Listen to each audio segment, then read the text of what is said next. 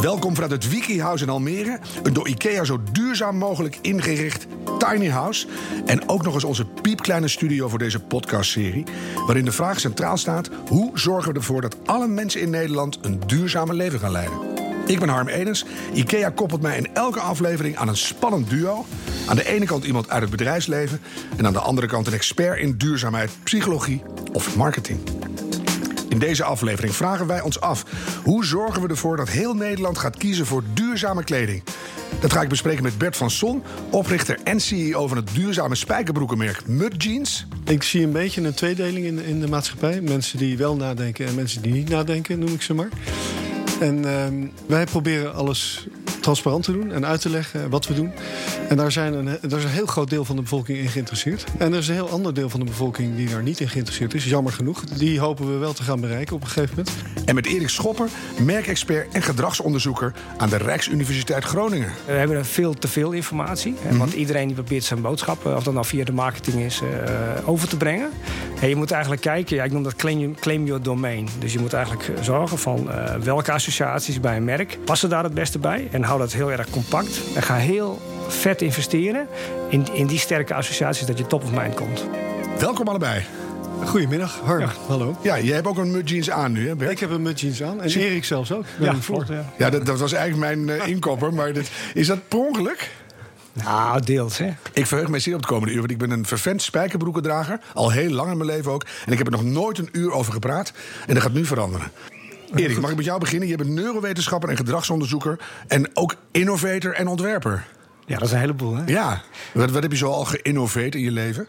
Nou, ja, ik ben in het verleden wel betrokken geweest bij start-ups. Uh, met de apps. Uh, ik ben op dit moment uh, de initiator en medeoprichter van World Brainwave. dat is eigenlijk een online onderzoeksplatform, mobile first. Dus dan kun je neurowetenschappelijk en sociaal en economisch onderzoek doen op de mobiele telefoon. Ja, dus ja. dan kan je al die data van, van die kant naar binnen trekken en dan uh, krijg je je big data binnen. Nou ja, kijk, er zijn inmiddels uh, bijna 2 miljard uh, smartphone gebruikers en iedereen heeft het ding op zak. Uh, even los van de verslavingsproblematiek.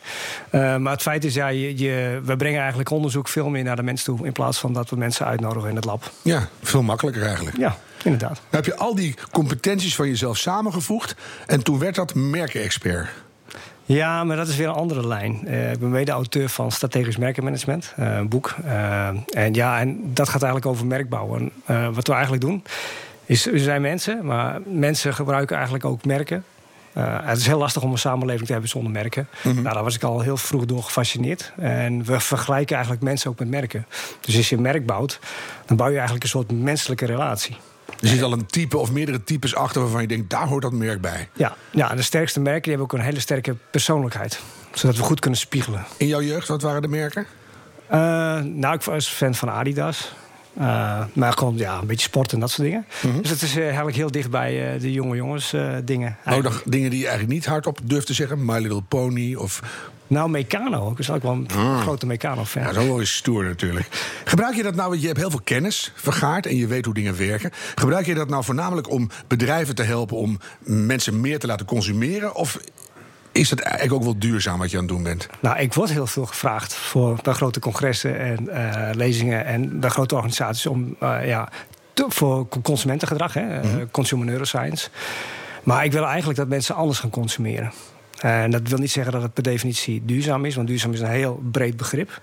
Uh, bij mij gaat duurzaam niet zozeer alleen over de groene leedjes of, uh, of, de, of de, de, keten, maar ook prosociaal gedrag. Uh, we moeten eigenlijk veel meer rekening houden, eigenlijk veel meer holistischer gaan denken. Uh, en daarbij moeten de grote merkorganisaties en de consumenten eigenlijk veel meer moeten samenwerken. Maar leg eens uit, hoe groot moeten we gaan denken? Nou ja, we hebben maar één aarde. Zo ja. groot moeten we nu gaan denken. Dus de, de, problemen worden zo groot dat we alles op elk vlak op mondiale schaal moeten verbinden en moeten bekijken. Ja, ja, en ik denk ook dat, dat grote merkorganisaties, niet alleen multinationals, maar ook hele kleine bedrijven, veel meer moeten gaan samenwerken. Want ja, uh, vervuiling houdt niet op bij een grens. Ja. Nee, dat wordt af en toe pijnlijk duidelijk, hè? Ja. Ik woon in Zutphen, maar er komt het hele Roergebied naar binnen. Nou, bijvoorbeeld. Om eens wat te noemen. Nou, er is er in bijna ieders leven een moment geweest waarop je dacht... die duurzaamheid, los van het feit dat je daar niet permanent mee bezig bent... maar is toch zo belangrijk, daar ga ik mijn leven door laten veranderen. Wat was dat bij jou? Nou, ik heb een aantal momenten gehad. Maar ja, eh, goed, uh, ook al was er wel eentje van. Uh, daar heb ik ook persoonlijk mee kunnen samenwerken. En uh, we hebben ooit samen een tattoo laten zetten. En uh, ja, dat herinnert mij nee, elke nee, ochtend. Nee, niet oh. doorpraten. Oh, sorry. Jij was met Wubbo, ik kende hem ook goed. En, en, en waar was dat? Waar was dat? Uh, nou, ik, dat heeft met Happy Energy, de oprichting van Happy, beweging voor uh, duurzame, positieve energie mm -hmm. te maken. En, ja, en daar kwamen we eigenlijk met elkaar in contact. En ja. Maar goed, hij is er helaas niet meer. Maar ik probeer wel uh, die, dat gedachtegoed wel, wel voor te zetten. Met name nu en dan in de wetenschap. En het uh, beïnvloeden en uh, inspireren van grote merkorganisaties. Ja, ik wil juist de vraag voortzetten van... waar was het punt dat jij met Wubbo zei... zullen we een tattoo doen? Oh, nou ja, dat, hij, hij, was jarig en dat was eigenlijk een soort verjaardagscadeautje. En, oh, het is echt jouw schuld? Uh, mede, want uh, Marleen Zoon was de medeoprichter, die was er ook bij. En uh, ja, dus hij kreeg dat cadeau en toen zaten we bij, bij Siefmacher, de tatoeëerder. En, oh, dat is echt officieel gebeurd ook? Ja, toen heb ik ook eentje laten zetten. En op welk lichaamsdeel, ook, Joost ook zijn vrouw, ja, ja, op welk lichaamsdeel heeft het uh, tattoetje plaatsgegrepen? Uh, nou, in dit geval bij mij allebei, volgens mij op de linkerarm. Aha. Nee, bij, bij, bij, bij Wibbe op de rechter. Dus, oh ja. ja. En dan ging je dan ook zo als brothers in arms tegen elkaar aanstaan, zo met de twee tattoos? Nou, dat hebben we een paar keer, maar ja, daar, daar, gaat het natuurlijk niet om. Nee. maar dat moment, wat heeft Wubbo in jou aangeraakt waardoor jij dacht dat leven moet anders? Nou ja, goed, uh, hij is een van de weinige mensen geweest in de ruimte. En uh, uh, ja, dat is ook wel een soort jongensdroom natuurlijk. Uh, ik weet niet of ik dat nog ga meemaken. Het is ook heel erg milieuvervuilend als we nu iedereen de, de ruimte in gaan jagen. Nee, ik kondig André Kuipers vaak aan als mede-ambassadeur van het WNF. Zeg ik, de man met de grootste uitstoot van West-Europa. Ja. Dus dat is niet iedereen kan de ruimte in. Nee, nee precies. Dus uh, ik geloof veel meer in... Maar goed, dan komen we op het gebied van, van de neurowetenschap. Ik, mm -hmm. daar ben ik zelf een vervente aanhanger van. Is dat we over 10 tot 15 jaar allemaal toch Kijk, die telefoon hè, die kruist steeds dichter, dichter naar ons lichaam. Die stopt niet op de huid. Hè. Hij zit nu gewoon letterlijk millimeters van ons huid. Die kruipt eigenlijk in ons brein. Cyborgs. Nou, ja, we zijn al lang cyborg. Want we hebben al kunstknieën en gehoorapparaten, weet je wel. Dus dat is allemaal niet nieuw. Dat bestaat al 50 jaar. Mm -hmm. Je kunt nu ook al implantaten kopen. Uh, maar goed, uh, dus ik verwacht dat, dat, dat de nieuwe generatie... die, uh, die, die schaffen gewoon zo'n apparaat aan. En, ja, en daardoor kun je eigenlijk veel meer in een soort virtual reality omgeving... dat echt meemaken. Want je brein die kan niet het onderscheid maken tussen de echte wereld... En, en, en de geestelijke wereld, de mentale wereld. Dat is voor je brein komt dat allemaal samen. Ja. Dus we maken een reconstructie van de werkelijkheid. Ze kunnen binnenkort allemaal via onze implantaten de ruimte in... En dan hoeven we het niet echt te doen. Nou ja, dat, dat, dat uh, zou kunnen. Maar goed, dat heeft ook te maken of de, de, de samenleving daarvoor open staat. Er zijn heel veel critici die vinden dat heel erg eng. Ja. Maar ja, als je ziet, 15 jaar geleden had niemand een mobieltje. En nu uh, hebben, zijn mensen echt, ik geloof dat 70% van de bevolking echt verslaafd is op dit moment. Dus Ja. ik heb echt fysieke pijn. Als ik dat ding nu afpak van jou, dan vind ik dat heel vervelend. Bert kijkt nu al een beetje zuur. Oh, zeg We, we willen vandaag eigenlijk eh, een, een, een begin van een antwoord van hoe mensen duurzame kleding gaan kiezen. Daar hoort ook eh, gedrag bij. Van hoe krijg je mensen zover dat ze dat gaan doen. Jij hebt onderzoek gedaan naar het verband tussen positief denken en een duurzame leven. Ja, Vond ik een mooie combinatie. Nou ja, goed, eh, als je kijkt naar gedragsverandering, hè, dat heeft, eh, het heeft met een aantal dingen te maken. Een daarvan is beloning.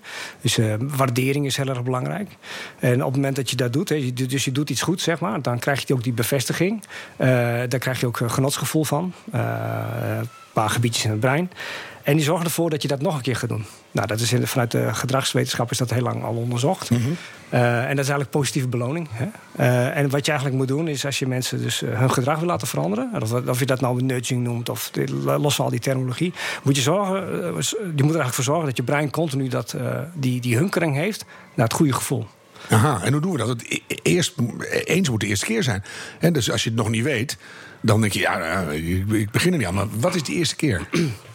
Ja, nou ja, goed, maar dan, dan moet ik het een beetje gaan uitleggen. Kijk, je brein, die Mhm, dat mag, maakt, ja. nou, je, je brein maakt eigenlijk continu een, een berekening eh, van de toekomst. Want het kost tijd om de omgeving te reconstrueren in je brein. Dus je loopt eigenlijk achter in de tijd. En je brein die gaat dat compenseren door een soort verwachtingsmanagement te maken eh, naar de toekomst toe. Nou, en op het moment dat jij een verwachting maakt, of een beslissing gaat nemen. en je weet al dat die beloning gaat komen. bijvoorbeeld, uh, je gaat vanavond vrijen. Dat is, hè, dat is bijvoorbeeld van hunkringgedrag. dan maak je op dat moment al heel veel dopamine aan. Dus op het moment dat jij bijvoorbeeld een broek koopt. en je weet dat die broek heel tof is. en je kunt voldoende informatie erover te krijgen. om die bevestiging te krijgen. en je weet ook dat mensen hele leuke opmerkingen gaan maken. als je die broek draagt. ja, dat is top. Dat is bingo. En dan heb je een aanzet tot gedragsverandering. Je moet de, de opwinding moet je al van tevoren uitdelen eigenlijk. Ja. Hoe, hoe open staat de gemiddelde Nederlander daarvoor? We zeuren over het weer, we zeuren over de files, we zeuren overal over... terwijl we het meest gelukkige volk op aarde zijn. Hoe, hoe kom je nog in die, in die hersenpannen uit? Nou ja, ten eerste, we hebben veel te veel informatie. Hè, Want mhm. iedereen die probeert zijn boodschap, of dat nou via de marketing is, uh, over te brengen. En je moet eigenlijk kijken, ja, ik noem dat claim, claim your domain. Dus je moet eigenlijk zorgen van uh, welke associaties bij een merk passen daar het beste bij. En hou dat heel erg compact. En ga heel vet investeren in, in die sterke associaties dat je top of mind komt. Moet je binnenkort, als, als gauw Bert eh, vertelt wat hij allemaal doet, eh, nog een keer zeggen, maar dan over de mud jeans. Jouw promotieonderzoek gaat over duurzaamheidsvertrouwen. Dat moet even uitgelegd worden. Wat is duurzaamheidsvertrouwen? Ja, nou ja, dat bestond eigenlijk nog niet. We, weten wel uh, wat vertrouwen is, althans. we praten heel veel over vertrouwen. Dat is een van de meest gebruikte woorden in alle talen wereldwijd. Maar als je dan vraagt van wat is vertrouwen nou eigenlijk? Dan blijft dat heel vaak stil. En mensen gaan dan een voorbeeld geven van... Uh, ik vertrouw mijn buren en die mogen de plantjes water geven. En die hebben dan een sleutel. Maar goed, ik doe onderzoek eigenlijk hoe vertrouwen ontstaat in het brein. Mm -hmm. En er zijn eigenlijk twee dingen eigenlijk belangrijk. Ik kom zo op de duurzaamheidsvertrouwen, maar dan snap je ja, waar het vandaan komt is aan de ene kant is, uh, de snelheid van je neurale netwerken, zodat je informatie tot je krijgt. Zodat je sneller een berekening kunt maken van die toekomst. Mm -hmm. En de andere kant is, uh, we zijn natuurlijk sociale wezens. Dus de groep is heel erg belangrijk. Dus wat is het risicogedrag voor mij ten opzichte van de groep? Dus wat denken andere mensen voor mij? Als ik proof. iets raars ga doen, dan hoor ik niet meer bij de groep. Precies. Aha. Ja. Nou, en als je die twee combineert, hè, dus de informatievergaring en social proof dan, en over de toekomst voorspellen. Nou, dan kom je het gebied van duurzaamheidsvertrouwen. Dat is eigenlijk de intentie die merkorganisaties of personen hebben van wat zij in de toekomst gaan doen. En het liefst natuurlijk dat ze de wereld niet beschadigen. Dus dat ze eh, bij elke beslissing die ze nemen consequenties uh, in de gaten houden. Maar het effect is op langere termijn. Dus je kunt een product hebben wat bijvoorbeeld maar een paar minuten gebruikt. Maar als dat 30 jaar onder de grond blijft liggen, dat is een verschrikkelijk effect. Ja. Dus dan kun je twee dingen doen. Of je maakt het product niet meer, of je maakt het product anders. En dan kom je richting de circulaire economie. En dan... Maar dan ben je al zover dat je echt wil veranderen. Terwijl ik nu denk dat heel veel bedrijven op dit moment denken... weet je, eh, ik ga mijn klanten niet vervreemden. Ik doe lekker alles wat ik toch altijd al deed. Maar dan hang ik daar een mooi groen gordijntje voor. En dan lijkt het alsof ik nog een beetje lekker aan het veranderen ben. Maar ik doe eigenlijk niks. Ja, maar goed, de wereld is natuurlijk niet zo transparant. Hè. Dat met, met greenwashing, daar kom je niet meer mee weg. Eh, mensen doen continu aan fact-checking. Uh, als je transparant bent, en, en, het is lastig, want je hebt ook een concurrentievoordeel. Dus je moet zorgen dat, dat is weer dat claim your domain, dat je onvervreemdbare assets hebt. Die zijn zo uniek. Bijvoorbeeld je eigen merk, je eigen organisatie. Het, het, de keten zo uniek maken. Je gaf er al in het begin al een voorbeeld van. Dat is onvervreemdbaar, dat kun je niet kopiëren. En daarin kun je heel transparant zijn. En de rest, als je, als je iets te verbergen hebt, betekent dat of je hebt een heel slecht businessmodel. Ja. Of je loopt gewoon te liegen. Eh, of alle twee. Ja, ook dat toch. Heb je voorbeelden van bedrijven die tot voor kort... of misschien nog steeds aan het greenwashen zijn... waarvan je zegt, dat werkt niet meer? Ja, nu vraag je voor mij iets, dat is heel erg lastig. Hè? Het is gewoon een wetenschappelijke vraag. Ja, nee, ik, ik ga geen merken noemen die het slecht doen, want dan kom ik in het probleem. Noem ik er een paar, dan knipper je met je linkeroog of met je rechteroog. Goed. Nou, ik, ik, noem liever de. de nee, weet, weet je, ik kan wel Shell noemen, weet ik wat. Maar dat, is te makkelijk. Nou, precies. Dus, maar ja. noem eens een, een, voorbeeld van een productsoort waarvan je zegt dat was tot voor kort eigenlijk.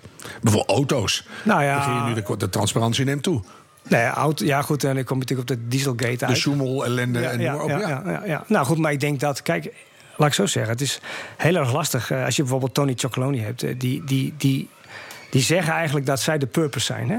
Nou, ik ook zo'n woord wat heel veel nu wordt gebruikt. Het woord. Het woord. Uh, maar goed, dat is ook niet helemaal eerlijk, want ze zijn begonnen vanuit een bepaald gedachtegoed. Toen de tijd er ook rijp voor was. Hè? En ze, ze, hebben niet de, de, de, wet van de remmende voorsprong gehad. Dus al die grote organisaties die al veel langer bestaan, die zijn nu aan het omschakelen. Het is een beetje flauw om hun dan de schuld te geven wat ze fout hebben gedaan. Daarom geloof ik veel meer in het positieve. Uh, in het positieve dat als zij nu bezig zijn om elke keer die kleine stap te zetten om het beter te doen, ja. dan moeten we dat promoten. In plaats van continu uh, ja, lullen over dat verleden. Ja, dat is verleden. Je kunt, echt, jij kunt wel achterom kijken, maar je kunt niet meer veranderen. Dus we moeten vooruit kijken. En de Tony's Chocolonies moesten ook een beetje terug in hun verhaal. Hè? Precies. Die begonnen slavenvrij. Oh nee, dat, nou, we doen ons best. Dus het is hartstikke moeilijk om het goed te doen. Ken jij Mud Jeans? Jazeker ken ik Mud Jeans. En, en hoe doen die het? Ik, uh, nou, ik heb sowieso respect. Uh, voor, ja, want jij bent van de positiviteitsfamilie. Dus nee, dan... maar goed, ik wil, hij heeft heel erg hard moeten knokken om dit merk op de kaart te krijgen. Ja. En, uh, dat vind ik sowieso al mooi. Dus je gelooft ergens in. ja, en ik, ik, denk dat het een hele integere man is. Ik ken hem niet persoonlijk, maar we zitten niet tegenover elkaar. Dus het is ook wel mooi om te... Ja, ja dan ga ik even naar jou, Bert. Want jij, jij zat in de modewereld al. Ja. En jij zag dat langzaam veranderen in een wegwerpwereld, hè? Ja, dat ging van een, uh, een artikel wat je beschermt, wat, waar je mooi mee uit kan zien, naar iets wat je vijf minuten gebruikt en dan weggooit. Of niet eens aantrekt. Of niet eens aantrekt, omdat je het uh, ja. nadat je het gekocht hebt eigenlijk te lelijk vindt. Ja. Maar het was zo lekker goedkoop. Dat is ook goed, en lekker goedkoop, dus ik koop het maar. Ja. En, en toen dacht je, ik, ik gooi het roer om. Was het zo simpel? Nee, zo simpel niet. Nee, ik heb uh, het geluk gehad dat ik uh, succesvol een bedrijf heb kunnen verkopen in 2008. Toen had ik wat geld voor me uit en, en wat vrije tijd. Uh, toen dacht ik, nou, dan ga ik met pensioen. Twee jaar, dat is gelukt, dat was fantastisch. Maar uiteindelijk met drie kinderen en het hedendaagse leven en alles wat er gebeurt. Uh, begin je dan toch na te denken. Uh, waar oh, ben ik met drie kinderen was het geld op. Maar nou, ook dat. Ja. Nee, maar dan, dan, uh, dan denk je toch van ja, waar ben ik goed in? waar zou ik de wereld wat mee kunnen geven? en dan kom je uiteindelijk toch weer uit in je, in je kennis en je netwerk. En dat is de kledingindustrie. Mm -hmm. Dus daar hebben we over nagedacht. En dan pak je het grootste artikel, dat is de, dat is de jeans. Ook meteen het meest vervuilende artikel. Met alles erop en eraan en de washings en, en de chemicaliën. En daar hebben we een, een, een, een product voor bedacht en, en ook een concept. Laten we even luisteren dat... naar een kort fragment. Hoi, ik ben ondertussen thuis en ik heb heel lekker kunnen shoppen bij de Primark. Ik had zo oh, sowieso al mezelf voorgenomen, als ik leuke dingen zie, dan mag ik ze gewoon kopen voor mezelf. En dat heb ik gedaan. En sinds een half jaar of zo heb ik ineens echt een soort ja, blouseje-stick. Ik vind ze heel erg leuk en ik draag ze ook heel erg vaak. En ik zag deze en ik kon hem gewoon niet laten hangen. Verder kwam ik er vorige week ineens achter toen het regende en ik mijn gimpjes aan had. Um, dat mijn sokken nat werden. En ik dacht, hmm, dat is volgens mij niet de bedoeling. Bleek dus dat er onder in de zolen van mijn gimpjes een scheur zat. Nou ja, dat gebeurt gewoon op een gegeven moment. Zeker als ze niet erg duur waren. Die waren van H&M. En die zijn 10 euro of zo. Dus um, ik dacht, nou, het is weer tijd voor nieuwe gimpjes. En ik kwam deze tegen. En deze waren 3 euro. En nu heb ik gewoon nieuwe gimpjes. Een YouTube-vlogster bij ja. de opening van de nieuwe Primark. Wauw. Kan je daar tegenop, Bert? Ik zie dat niet als een gevecht. Er zijn, ik zie een beetje een tweedeling in, in de maatschappij. Mensen die wel nadenken en mensen die niet nadenken, noem ik ze maar. En uh, uh, wij, wij proberen alles transparant te doen en uit te leggen wat we doen. En daar, zijn een, daar is een heel groot deel van de bevolking in geïnteresseerd. Nog mm. niet genoeg. Nee. En er is een heel ander deel van de bevolking die daar niet in geïnteresseerd is. Jammer genoeg. Die hopen we wel te gaan bereiken op een gegeven moment. Het is belangrijk dat je weet als consument dat iedere euro die je uitgeeft, dat dat een, een stem is. Dus je stemt op iets. Als jij stemt om bij de Primark te kopen, weet ik waar, dan kun je dat goed. En dat is jouw stem. Dat Ja. mag jij vinden. Ik stond laatst voor een groot voedselsymposium. En zomaar uit mijn binnenste kwam een tirade over de zeeman. Ja. Want die hebben nu, wij kopen het groot in. Dus daarom is alles bij ons goed. En toen vroeg ik aan de zaal: weten jullie wat een paar sokken bij de zeeman kost? Weten jullie het? Ik heb geen idee. Eh, 99 cent? Ja, voor drie paar. Dus dat is Oh, oké. 16 cent per sok. En toen kwam er zo'n verhaal uit van... daar moet je voor zaaien, irrigeren, oogsten, kaarten, verven, wassen... eh, shippen, ship. winkel aan, labeltje eraan... cachère achter de kassa. Importeren. ja. Ja, dat, dat is minder dan een halve cent per handeling. Dat kan niet. Nee. En, en, nou, die werelden schuiven in elkaar. Dat weet ik niet. Eh, Dat weet Erik waarschijnlijk beter. Eh, ik, ik kan meer vertellen over wat wij doen. En wij, wij, wij werken met mensen die eh, eerlijk geld verdienen. Mhm. Die daarvan kunnen leven, op een goede manier een familie van kunnen onderhouden. We werken met grondstoffen waarvan we weten waar ze vandaan komen en dat ze netjes gemaakt zijn. En we proberen alles wat we in de markt zetten ook weer terug te krijgen. En dan te recyclen. Je zei het net al, de spijkerbroekenproductie is een van de smerigste Ja. dingen in de kledingindustrie. De productie van één spijkerbroek kost 7000 liter water of zo. Ja, daar verschillen de getallen over. Ja, nou, maar dit is Gaat onze research. Dan heb je de verf, de chemicaliën voor de washing. Noem maar op ontzettend schadelijke omstandigheden voor de makers ook. Hoe, hoe doen jullie het? Je hebt zelf zo'n broek aan. Is dat allemaal beter bij jullie? Ja, dat is allemaal beter. We beginnen met biologische katoen. Mhm. Dan eh, verven we dat tegenwoordig, dat is nieuw, met indigo die non-toxic is. Want ik kreeg op mijn donder van meneer William McDonough. Die zei, leuk Bert, circulaire economie, recyclen... en dan ben je chemische afval aan het recyclen. Ja. Dat moet je niet doen. Dus dat is, dat is fijn, dat soort opmerkingen. Dus non-toxic indigo. eh, de, de gaars proberen we te spinnen en te maken niet te ver van huis. Dus binnen Europa wordt dat gedaan. Dan gaat het naar Tunesië, de stof. Daar worden de jeans gemaakt. Er zijn een heleboel nieuwe technologieën. Dus dat gaat van uh, lasertechniek tot uh, ozon met ozonwashing. Dus die mooie lichtblauwe kleur die kan je krijgen door middel van een ozon O3-washing. Hoeft geen chemicaliën op. Niks, kan een, zo. kopje ja. water. Ja. Laser is heel mooi om te zien. Het staat op onze website. Er gaat als een soort ja, uh, matrix eroverheen. En dan zie je die, die slijtvlekken van het stonewashen. Je moet natuurlijk een mooi product maken. En dat is dan een concessie, dat hoort daarbij. Maar het klinkt als, als je al die schakels in die keten wil aanpakken... omdat je zo'n groot idee hebt... Ja. dat enorm complex en moeilijk is. En duur. Ja, want ik was er nog niet. Ah, er is nog meer. Nou ja, je, je moet dus denken, dat vind ik de circulaire economie. Dat als je een product ontwerpt, dat je nadenkt... ik krijg het op een gegeven moment ook terug... en dan wil ik het op een eenvoudige manier weer kunnen recyclen. Ja. Voorbeeld daarvan is dat we geen leren labels gebruiken, maar dat printen. Een leuk bijkomend uh, voordeel is dan dat de hele vegan society... ons helemaal geweldig vindt, want we gebruiken biologisch katoen. En geen leer en dan nog eens een keer gaar. Er zit geen omelet in de achterzak. Er geen omelet goed. Ja. En, en, geen eitje. Dus, dus dat gaat allemaal prima. En dan, dan, dan wordt het toch ineens heel erg leuk wat je doet. Omdat je dit soort uh, positieve effecten ineens op je afkrijgt en, en het mooi wordt. Maar toen was het er al. Maar dan weer de vraag die ik net zei. Als je daar al wil beginnen, dan heb je zo'n zo'n wereldverbeterend idee. Ja. En al die schakels, dat lijkt heel complex. Hoe, hoe ben je dat gaan doen? Nou, ik ben gewoon begonnen. En ik moet eerlijk zeggen, heel vaak gestruikeld onderweg. En, en ook heel veel informatie. Ik heb ook heel veel bijgeleerd de laatste vijf jaar. Noem eens van die struikels, dat je dacht... Oh. Uh, nou ja, bijvoorbeeld, uh, wij wilden heel graag ons eigen cirkeltje goed houden. Biologisch katoen doen alleen maar, onze eigen broeken terugkrijgen en die recyclen. Nou, dan realiseer je dat je heel erg klein bent en dat de volumes niet groot genoeg zijn om dat in die shredder te kunnen gaan gooien en, en iemand te gaan vragen: kun je daar gaars van maken? En heeft dat dan ook zin? Want je moet toch wel ook een bepaald volume halen. Dus dan gooi je dat open, dat is de eerste concessie. Zeg je, we accepteren nu ook vieze broeken van andere merken, waar vol zit met chemicaliën. Maar goed, dat schijnt na twintig keer wasje er allemaal uit te zijn. Dus dat hebben we dan gezegd, dat doen we. Dus je kan nu een tientje korting krijgen als je oude... Any broek wil doen. Any broek uh, ja. inlevert. Ja. ja, dat soort dingen. Ik kan eindeloos doorgaan. We zijn nog aan het nadenken over het naaigaren. Dat is nog van polyester op dit moment. Dat wil je niet, want je wil een 100% uh, mono uh, grondstof product hebben... zodat het makkelijker te recyclen is. Ja. Dat zijn allemaal kleine dingen. Je moet dus balanceren tussen een heel gaaf, hip, mooi product maken... en alle vraagstukken van de duurzaamheid proberen in te vullen. En dan natuurlijk nog Tunesië. En Tunesië. Tunesië is natuurlijk... Transportkosten. Uh, transportkosten en, en, een boot. We hebben nu uh, net de productietour gedaan. We zijn met het hele team naar Tunesië gedaan. En drie van onze mensen, waaronder ik, hebben de boot teruggenomen... van Tunis naar Marseille om te kijken hoe dat nou is.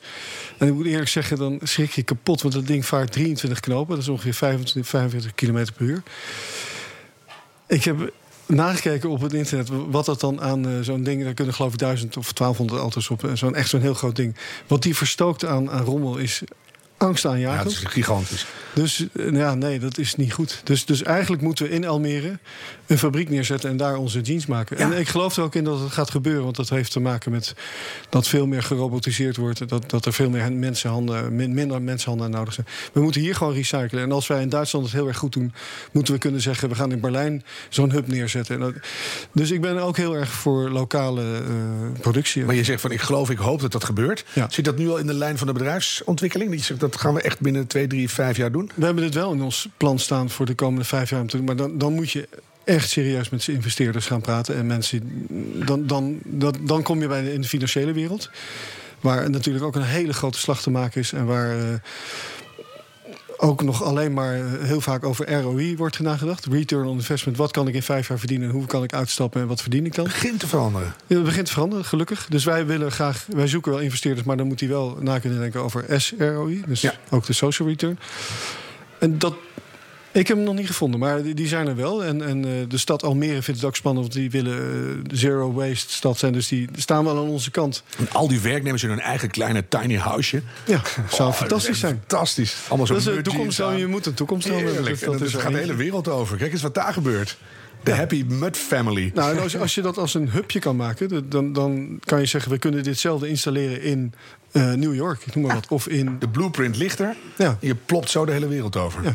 Open source. Ik vind het een goed idee. Erik knikt ook. Want als je, dit is heel erg in, hè, pitchen. Je krijgt van mij een paar seconden. Ja. Wat, welke claim heeft Mud Jeans? Wat, wat durf je gewoon nu te zeggen? Zo zijn wij. Wij zijn het enige circulaire denim uh, merk in de wereld. Die laatste, hè? Ja. In de wereld. In de wereld. In, op deze aarde. Dat is ook fantastisch, maar ook, ook wel scary. Nou, nee hoor. Jawel, dat, dat, dat het nou weer net hier aan tafel moet zitten. Dat Ja. je van, jongens, schiet eens op met z'n allen. Erik, is, dat, is het belangrijk dat je zo'n duidelijke claim kan doen? Ja, dat is hartstikke belangrijk. Dat is, eh, dat is waar, waar mensen voor kiezen. En je, moet, je moet een duidelijk verhaal hebben. En eh, als mensen je koopt meer dan een product, hè? Je, Ja. Eigenlijk wat je doet is je shopt eh, je identiteit bij elkaar. Je, sto- je, je shopt een jaartje extra toekomst voor je kinderen. Ja, ook. Ook. Dat, ja, maar het, het brein is hedonistisch. Dus uiteindelijk doe je het voor jezelf. Ja. Ja, Vind ik ook z- goed, hè? Zelfs al- altruïsme is een vorm van hedonisme. Omdat je, als jij iets goed doet, doe je het eigenlijk stiekem ook voor jezelf. Je kan jou goed echt niks meer wijsmaken, hè? Dat is allemaal onderzocht. Nou, nee, maar goed. Dat, Jawel. en dat is ook helemaal niet erg. Want eh, de- als we daardoor een betere planeet maken, dan is dat win-win. Is het ook goed. Ja, wij- deze, wat zeggen? Wij merken dat, dat transparantie heel erg belangrijk is. En dat daar ook hele leuke reacties op zitten. We hebben natuurlijk het geluk dat nu de social media ontzettend belangrijk aan het worden is. En wij worden bijna zelf een influencer. Omdat we echt zoveel volgers beginnen te krijgen. Dat mensen ons echt willen zien wat we doen. Willen horen wat we doen. Waarom we het doen. En, en we gaan heel ver. We willen tot aan de verpakking gaan van de webshop. Die, die eh, dus nu herbruikbaar is. We zijn met eh, fietscouriers.nl aan het praten. Om in 30 steden in Nederland met het fietsen te laten leveren. Dat gaat gebeuren. En, en zo zijn we iedere dag bezig van, van waar zit nog een gat, waar kunnen we het beter doen. En dan gaan we erover nadenken. En dat is ontzettend leuk. Ook, ook voor mezelf dat, hoor. Ja, en dan krijg je dat eh, beloofde geluksgevoel van Erik. Want dan denk je, oh, er, er komt Nou, een fietscourier... die komt straks met mijn broek. En dan word je al blij. Ja, dat, dat leer ik nu vandaag van Erik. Bijna nog beter dan seks met je vrouw. Want dan denk je, van, straks komt hij. Nou, de Hele rare vergelijking. Voor, voorpret. Ja, de voorpret, dat bedoel ik eigenlijk. Ja, Ja. dat is een ingewikkelde manier om dat te zeggen. In deze uitzending wil ik graag een antwoord, dat zei ik aan het begin al. Wat moeten we doen om per direct Nederlanders te laten kiezen voor duurzame kleding? Dat het niet meer uitgesteld wordt, dat gaan we nu doen. Wil ik eerst even van jou een soort establishing, Erik. Hoe staat die kledingindustrie er nu voor? Want in 2013 stortte er in Bangladesh een gigantische fabriek in. Heel veel slachtoffers. De hele wereld sprak schande. Is er veel veranderd sindsdien? Nee, helaas eh, niet zoveel. Eh, en kijk, ik bedoel, we zoeken naar die voorbeelden. Hè, met name lokaal produceren, wat jij net ook aangaf. Al dat gesleept van al die producten over de hele wereld. Dat, is eigenlijk, eh, dat zijn de verborgen eh schade, wordt dat ook wel genoemd. Hè. Ik bedoel, we, we zien het niet, hè, we merken het niet. En, maar het, de impact is natuurlijk eindeloos groot. Al die grote containers die, rond, die rond worden gevaren. Dat is echt zwaar milieuvervuilend. Ja, en hoe kan dat? Want de, die transparantie neemt toe, purpose viel al. Iedereen is eigenlijk op een manier toch op zoek naar goede keuzes. In de kledingindustrie lijken ze niet te vinden. Nou, misschien moet je een stapje terug doen naar de historie van de kledingindustrie. Mhm. Wij maakten in Nederland fantastische dingen begin eh 20e eeuw.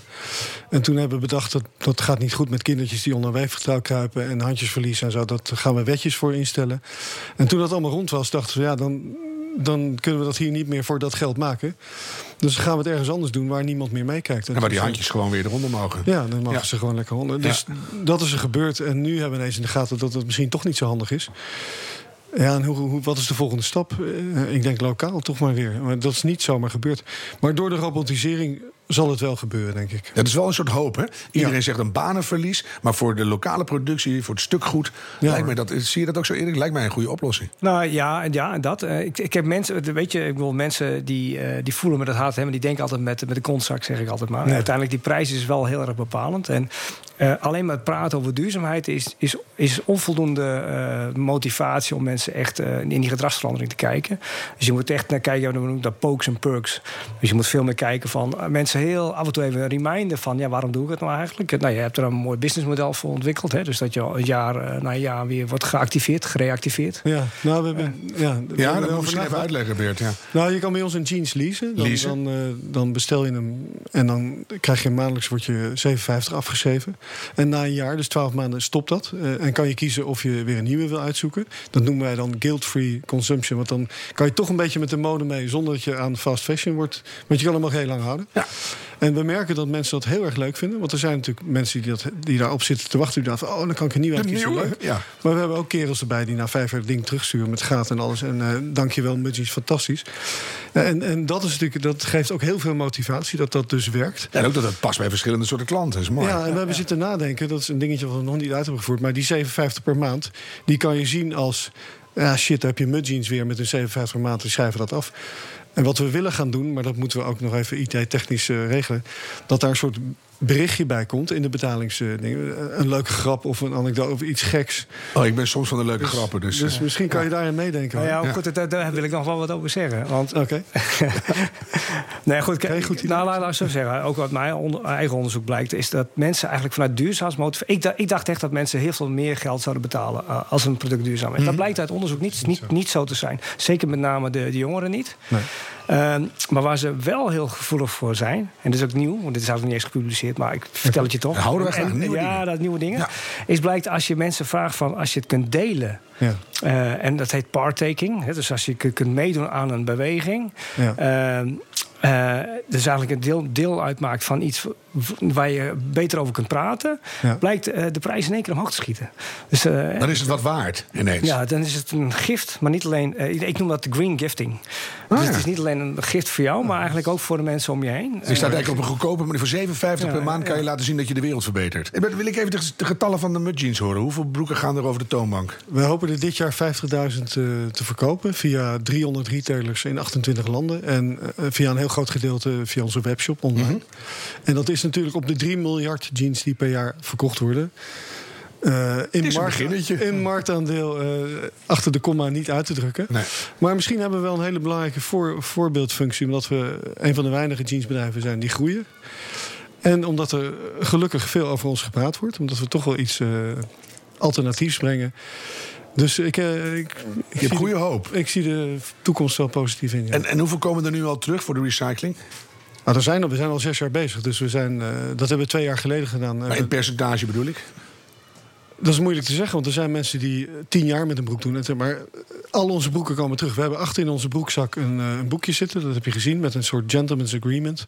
Die broek, die, die beloof ik terug te sturen. En, en, en, en mensen vullen dat in en sturen dat naar ons kantoor. Dus alleen al die actie doen, jij als consument, eh, vind ik best wel bijzonder. Wij hebben een hele muur vol hangen met van die kleine Ja, contracten. daar heb ik ook nog wel een tip voor. Ja, want dat was even de vraag. Dus dat- die ja, hele dat- boek- Persoonlijk ja. markt, is dat een slimme aanpak? Nou ja, ik, dat, dat, dat is vooruit onderzoek. Als je daar nou een, een perforatiekaartje aan maakt... Ja. met iemand, maak je iemand anders blij. Dus die hebben het boek gekocht, je haalt het bonnetje eruit... je ript dat kaartje af en je krijgt 35% korting. Ja.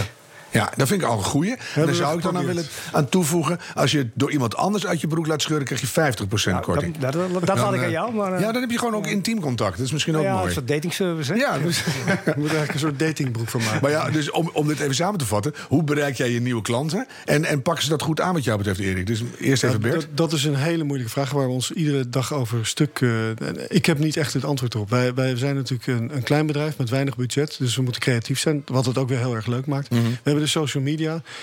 Maar we doen nog iets niet goed genoeg. Want als ik hier naar buiten loop en ik vraag: kent u Mud Jeans? Dan kent een heleboel mensen kent het niet. Lisa Jeans nog wel soms.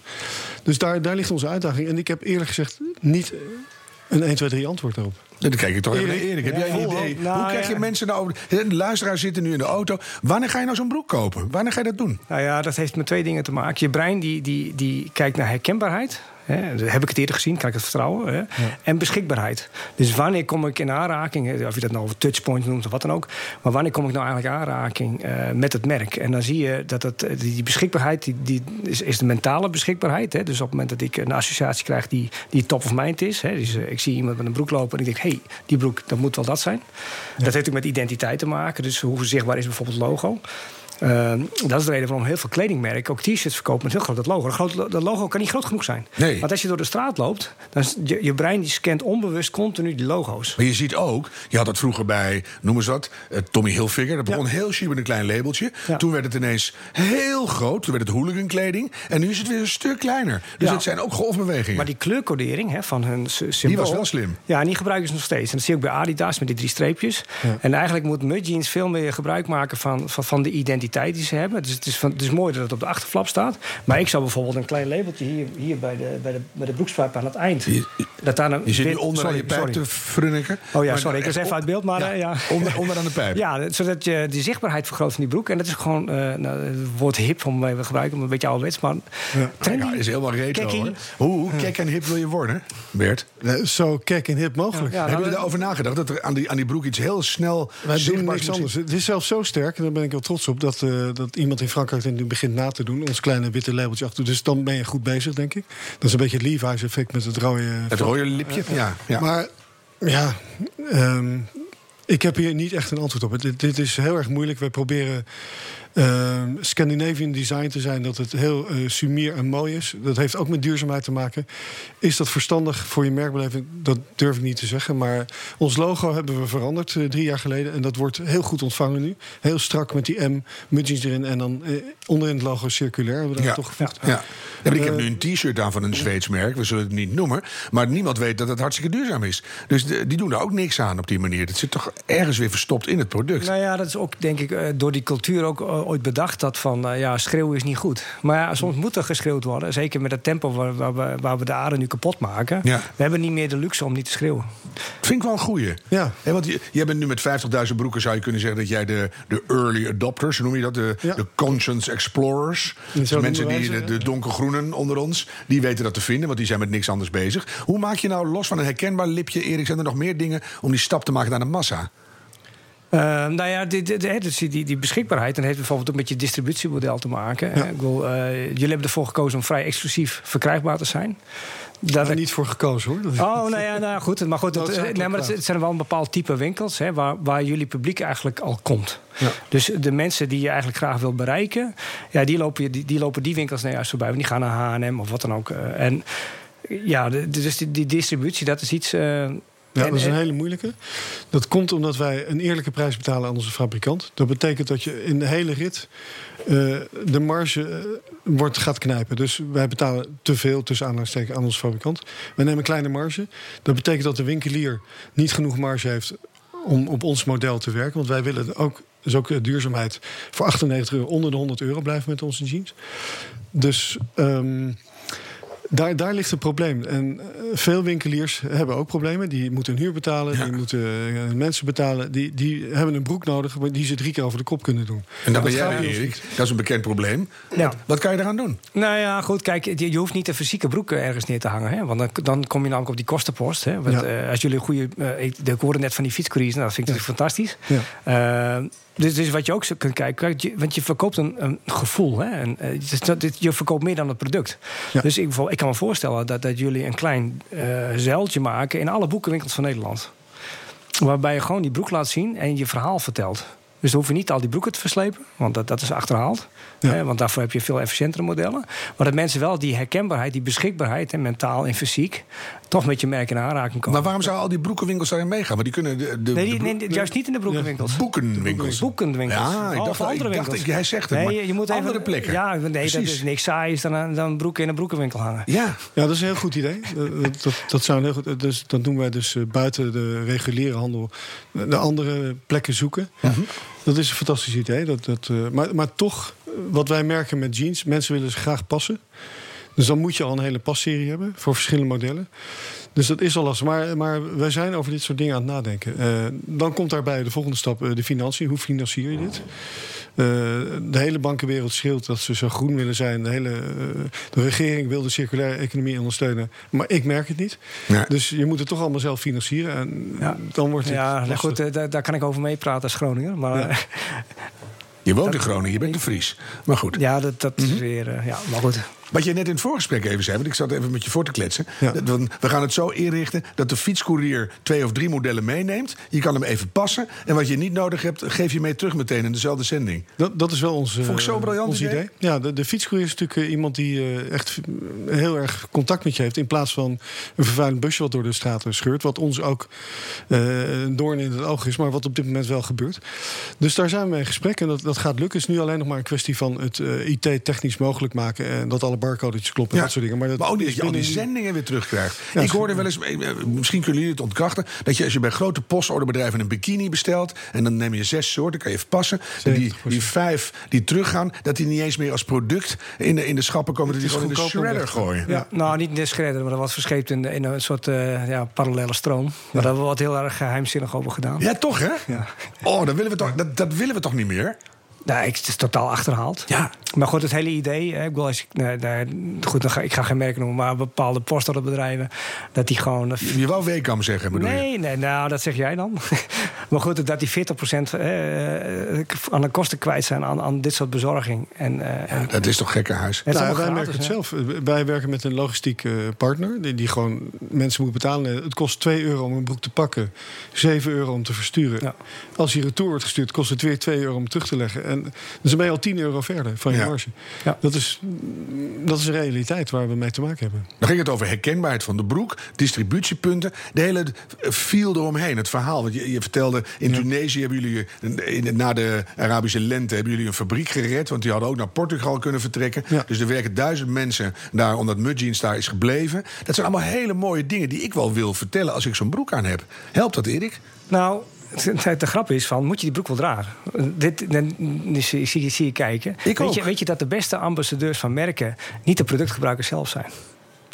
Over Ferrari en dat soort auto's wordt meer gesproken door de mensen die geen Ferrari hebben. Dan, die maken het merk. Die maken het merk sterk. Dus Prins Harry moet trouwen in een Mudjeans en dan zitten we goed. Nou, hij moet er in ieder geval over praten. Dat is wat je wil. Ja? Nee, ik bedoel, dan gaan wij erover praten. Ja, nee, maar goed. dus bijvoorbeeld, wat, wat je ziet bij heel veel kledingmerken... die verkopen dus t-shirts met die grote logo's. Dat doen ze daarom. Ja. Eh, en dat is, dat is- dat is wel een tip voor jou in ieder geval. Zorg dat je in ieder geval een t-shirt-lijn krijgt. Ja, nou, we, hebben, we hebben het gedaan, t-shirts. Dat vind ik een goed idee, wil ik ook graag. Ik heb, eh, wij zijn met z'n vieren eh, als aandeelhouders. Eh, ik ben begonnen, maar ondertussen zijn er mensen bijgekomen. Dus we moeten dit soort dingen bespreken. En, eh, maar ik vind het een goede tip. Ik ga hem in de volgende MT meenemen. Ik zou het ook leuk vinden, een Mudjeans t-shirt. Ja, Kijk, maar ik, nou, ik- jij krijgt hem sowieso dan. Oh, Kijk. dan krijg ik het toch ook. Jij ook, Het is ook zeker. de perfecte kleur van een Engelse keuken, hè, mud. Nou, ja, Ja. Ja, goed hè? Dus totale zinloze informatie was dat. Waarom niet? Heerlijk. Ik weet niet, ja, mud, mod, een gekke naam. Waarom, Zou, zou, ik kijk toch weer even naar Erik hoor. Ze, ze, dan t-shirt-lijn is een goede tip. Zouden ze ook met andere duurzame merken echt samen moeten gaan? Dat is samen sta je sterk. Kijk, we hebben mud en we hebben dit en we hebben dat. Plats, Nou ja, kom bij ons. Je ziet dat heel veel merken aan co-branding doen. Hè. Eh, eh, en, en dat kan elkaar versterken. Zeker als dat eh, vanuit de verschillende categorieën. Dus bijvoorbeeld dus met een schoenenmerk eh, zou je heel goed eh, dingen kunnen doen. Ja, we zijn ermee bezig. We, zijn, we gaan met Sla, die gaan we, eh, hoe noem je dat, eh, schorten leveren. Dilla Camilla gaat eh, binnenkort in onze schorten lopen. Die en Camille, zeg ik altijd. Dilla en Camilla, Ja. ja. waar geen plastic in de winkel ligt. Ja, Fantastisch. Ja. Maar wel fijn dat je naar één website kan gaan. Die zegt, hey, duurzame kleren, punt, ko- koop ze nu. Dat je, dat je daar gewoon de goede dingen ziet die ook allemaal kloppen. Want dan hoef je maar van één product eigenlijk te weten dat het klopt. En dan denk je, dan zal de rest ook wel kloppen, anders gaan ze niet bij elkaar staan. Dan Die je- bestaan hoor, die website. Ja, maar dan kan je ze vinden. Dat, dat ik ook weet hoe die sites Wat mooi bijvoorbeeld. Is Ja. Ja, ja. ja, maar dat is dus vrij onbekend nog. Ja, klopt. Ja, dat is allemaal hetzelfde verhaal. Eh, dat heeft toch met geld te maken. Hoeveel budget heb je om van de daken te schreeuwen? En nogmaals, dan moet je creatief zijn. Dat zijn we ook. Maar uiteindelijk is het toch nog niet goed genoeg. Eh, eh, ja. Zou het ook helpen dat ze gewoon spannende dames en heren in hun broek laten lopen? Nee, dat werkt altijd. Maar goed, so- soms vragen ze er geld voor, soms niet. Hè? Dus dat is een beetje. Ja, maar kijk, nee, maar kijk, dan denk ik, eh, bijvoorbeeld, hè, als je kijkt naar, naar G-Star, eh, Wacht Raw Ocean. whiskyhouse waait weg. Wat wil je zeggen? Nou ja, als je kijkt naar G-Star van Raw eh, Ocean. Kijk, die hebben natuurlijk Pharrell als, als ambassadeur. Die is ook mede-eigenaar. Maar goed, kijk, die, die hebben ook heel veel marketingbudget. Dus die kunnen die boodschap... Ja. waar ik op zich natuurlijk niet tegen ben. Want al- alle, alle stappen helpen. Nee, maar G-Star is niet een merk wat nou per se is opgericht om de duurzaamheid een stapje vooruit te helpen. Mudjeans wel. Dus ik Ja, kan me ja. voorstellen dat de ambassadeurs dan gratis en voor niks meedoen, omdat we de wereld helpen. Ik heb Leonardo gebeld, maar die heeft nog niet teruggebeld. Oké. Gewoon opsturen zo'n broek. Ja, Ja.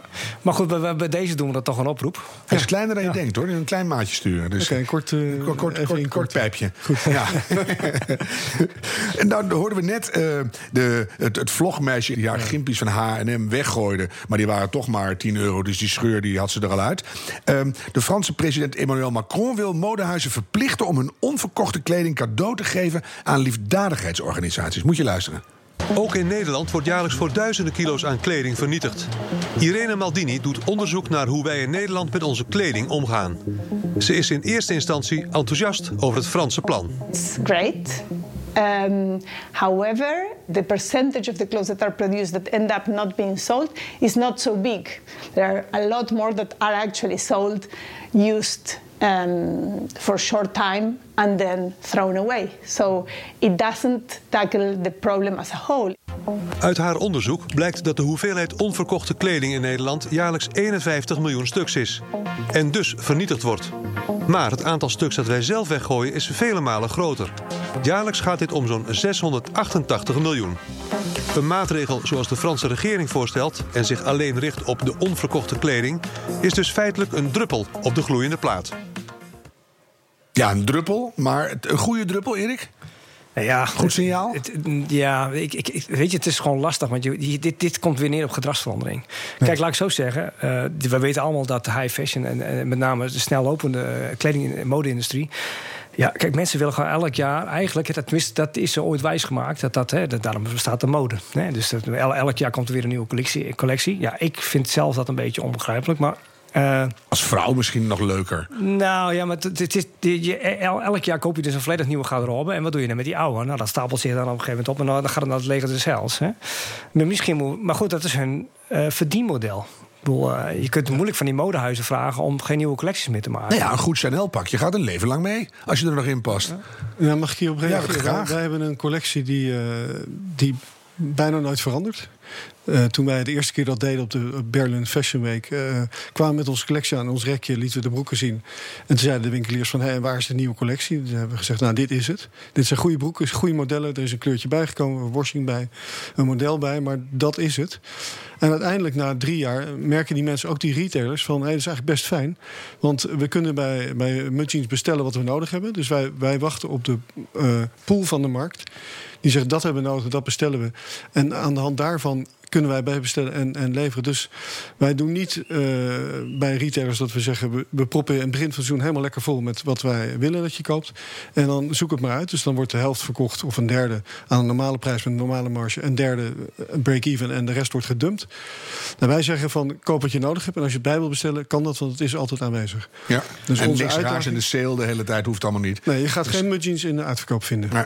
En de uitdaging voor ons is dan, hè, we hebben nu 12 modellen in zeg maar vier kleurtjes, 50 maal 20 maten. Dat zijn 1000 SKU's, noemen we dat in onze wereld. Nou, die 1000 doosjes moeten vol liggen. En daar zijn we heel erg knap in geworden. En dat doen we heel erg goed, mag ik mezelf wel op de borst kloppen. Bij deze.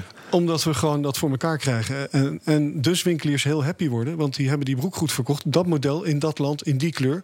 En die bestellen dat gewoon bij Ja. Mudjeans. En dan kijk ik even naar, naar Erik. Van de overheid, hè, want we zitten nu een beetje bij de regelgeving, de regulering. Zou er nog iets anders denkbaar zijn wat Mudjeans, in dit geval Paspo Toto, kan meehelpen om die massa aan die duurzame kleding te Ja, ik krijgen? weet er nog een paar dan. Nou ja, je, je- noem- noem- Oh, dan mag jij ook, Beert, wat je wil. Nou, dit wordt me heel vaak gevraagd. En, en, en de overheid en eh, iedereen heeft een mond vol van circulaire economie. Maar Ja. eh, helpen doen ze niet. Dus heel eenvoudig voor mij. eh, punt 1. Wij verkopen, als jij een mooie jeans terugstuurt die een jaar gedragen hebt. die nog goed is. Die kunnen wij als vintage verkopen. Die wordt gerepareerd, gewassen of er komen eventueel lappen op. Je hebt hem eigenlijk geupcycled voor mij, dankjewel. Ja.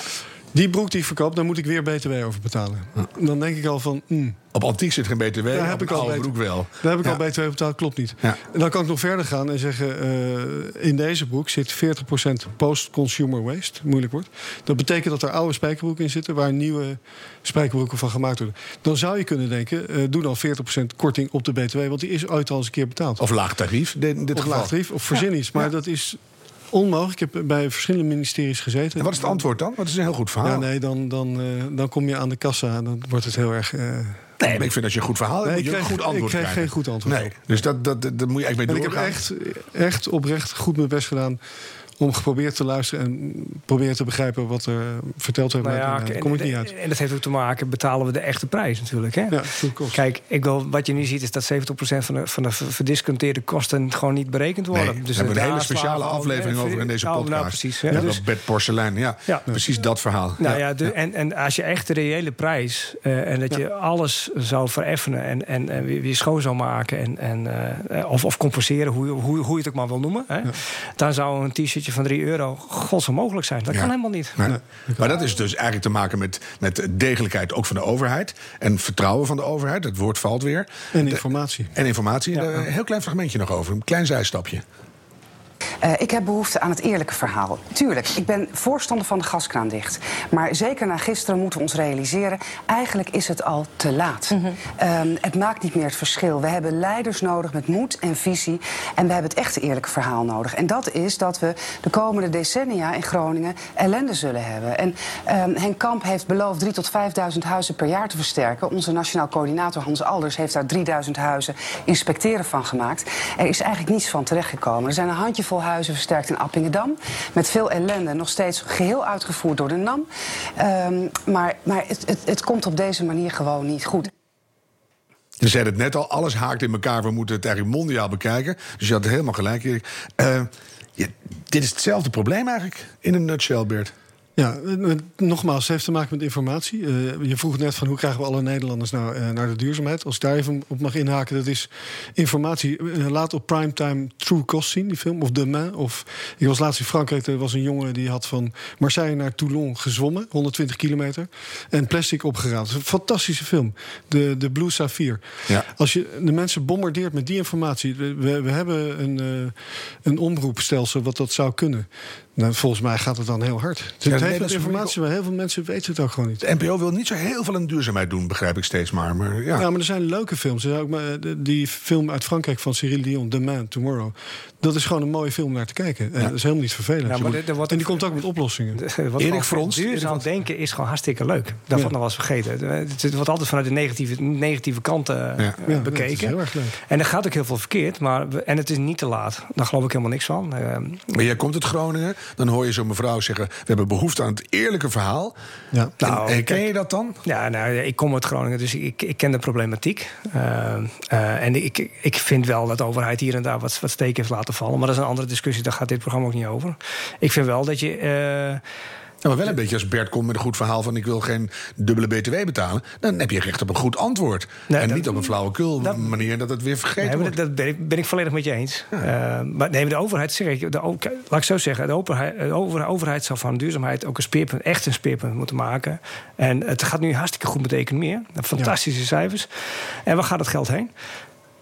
Ja, de fossiele brandstoffen. Ja, zei ik dat nou? Ja, wel een beetje, ja. en ik, vind, ik vind het heel vreemd. Dus, dus de mensen die nu in Groningen wonen, die worden niet betaald. Die, die, die, de huizen zijn ingestort, letterlijk. Die, sommige mensen zijn al vijf jaar uit hun eigen huis weg. Daar is geen geld voor. Maar belastingvoordeeltjes voor grote multinationals, met wat voor reden ook, dat kan wel. Uh, ik, ik, ik vind dat duurzaamheid moet absoluut de, de, de nummer uno worden, sowieso. In al je beleid. Nou, ik heb gemerkt door het te doen. Wij zijn dus zes jaar gewoon begonnen. En we, we, we struikelen overal over. Bijvoorbeeld het leasen. Mag ik daar nog wat over zeggen? Ja. Uh, het BTW-verhaal, om even terug te komen. Ik betaal dus, als, als jij een jeans bij mij leest, dan rekenen we het eindbedrag. Dan komt hij bij jou binnen en dan moet ik op dat moment de BTW betalen. Dus ik heb de inkoopprijs betaald, het versturen, het pakken en, Alles. en de BTW. Mm. Dus ik loop echt mezelf eh, helemaal leeg te trekken financieel. En dan, en dan moet ik de BTW betalen. Je hebt massa met de rente. Maar ik ook, dat is ook het ja, Je moet ook nog mensen vinden die ja. het willen lenen. Ja. Dus, dus er wordt helemaal niet meegeholpen. Er wordt tegengewerkt, uh, dit, soort, dit soort dingen. En als, als alles ineens geleased zou worden... dan gaat de Nederlandse overheid een enorm probleem hebben. Want dan is er een enorme verschuiving van de ja, BTW. op het gebied van de circulaire economie... dat is voor de overheid totaal niet interessant. Nee, want, niet dat, Gaat, dat, dat, gaat namelijk buiten hun om. Maar dat, dat wordt het wel. Nou ja, dus... weet je, er, er, zijn wel ideeën geweest, trouwens, even weer terug te komen. Ja. Ze, ze, hebben wel eens gedacht van verschillende btw-tarieven te hebben... voor echt duurzame producten die goed zijn voor mens, samenleving. Ja. Uh, die komen in een lage btw-tarief. Maar de overheid die wil er gewoon niet aan. Nee. Nee. Ik wil toch heel positief eindigen. We hebben het over mudjeans en hoe krijgen we Nederlanders... zo snel mogelijk in duurzame kleding. Liefst vandaag nog. Yes. Ik wil je, wil je allerbeste advies, Erik. Uh, nou, mensen moeten, die worden vrolijk van duurzame kleding. En daar begint het mee. Want als je dat gevoel deelt. Maar die vertaal ik dan even door. Ja. Woon je met een zagerijn? Zit je relatie in een dipje? Uh, is het sowieso aan te bevelen om wat Bestellen lol in je leven. Bestel een positief ding, bijvoorbeeld een mudjeans. Ja, dat, dat, dat kan zeker, ja. ja maar doe het, doe het dan wel samen. Oh, hij is nog beter dan je denkt. Hè? Ja, en, en, twee en, tegelijk. hoe, krijgen we ze, hoe krijgen we die mensen erin? Nou ja, jij gaat me helpen, want je gaat in die jeans lopen. Jij bent natuurlijk een fantastische mooie man. Dus, dus iedereen denkt ineens van, wow. Enigszins op leeftijd. Maar goed, okay. het, is een hele grote vergrijzing gaande. Dus dat is misschien goed. Maar wat is je allerbeste tip? Wat Erik zegt, het moet, het moet betaalbaar zijn, het moet aanwezig zijn. Mensen moeten het makkelijk kunnen vinden. Uh, het moet mooi zijn, het moet hip zijn, het moet gaaf zijn. Ja, vind ik die van Erik toch nog net iets beter. Veel dat je er gewoon heel blij van wordt. Ja. Ik ga jullie zeer bedanken. Bert van Son en Erik Schoppen. Fijn dat je luisterde naar deze podcast vanuit het Tiny Wikihuis in Almere. Deze heel Nederland duurzaam podcast wordt je aangeboden door IKEA. Wil je weten wat je nog meer concreet kan doen om een duurzamer leven te leiden? Luister dan ook naar de andere podcasts in deze serie. En abonneer je via de app van BNR. En natuurlijk, hou hoop en doe het duurzaam.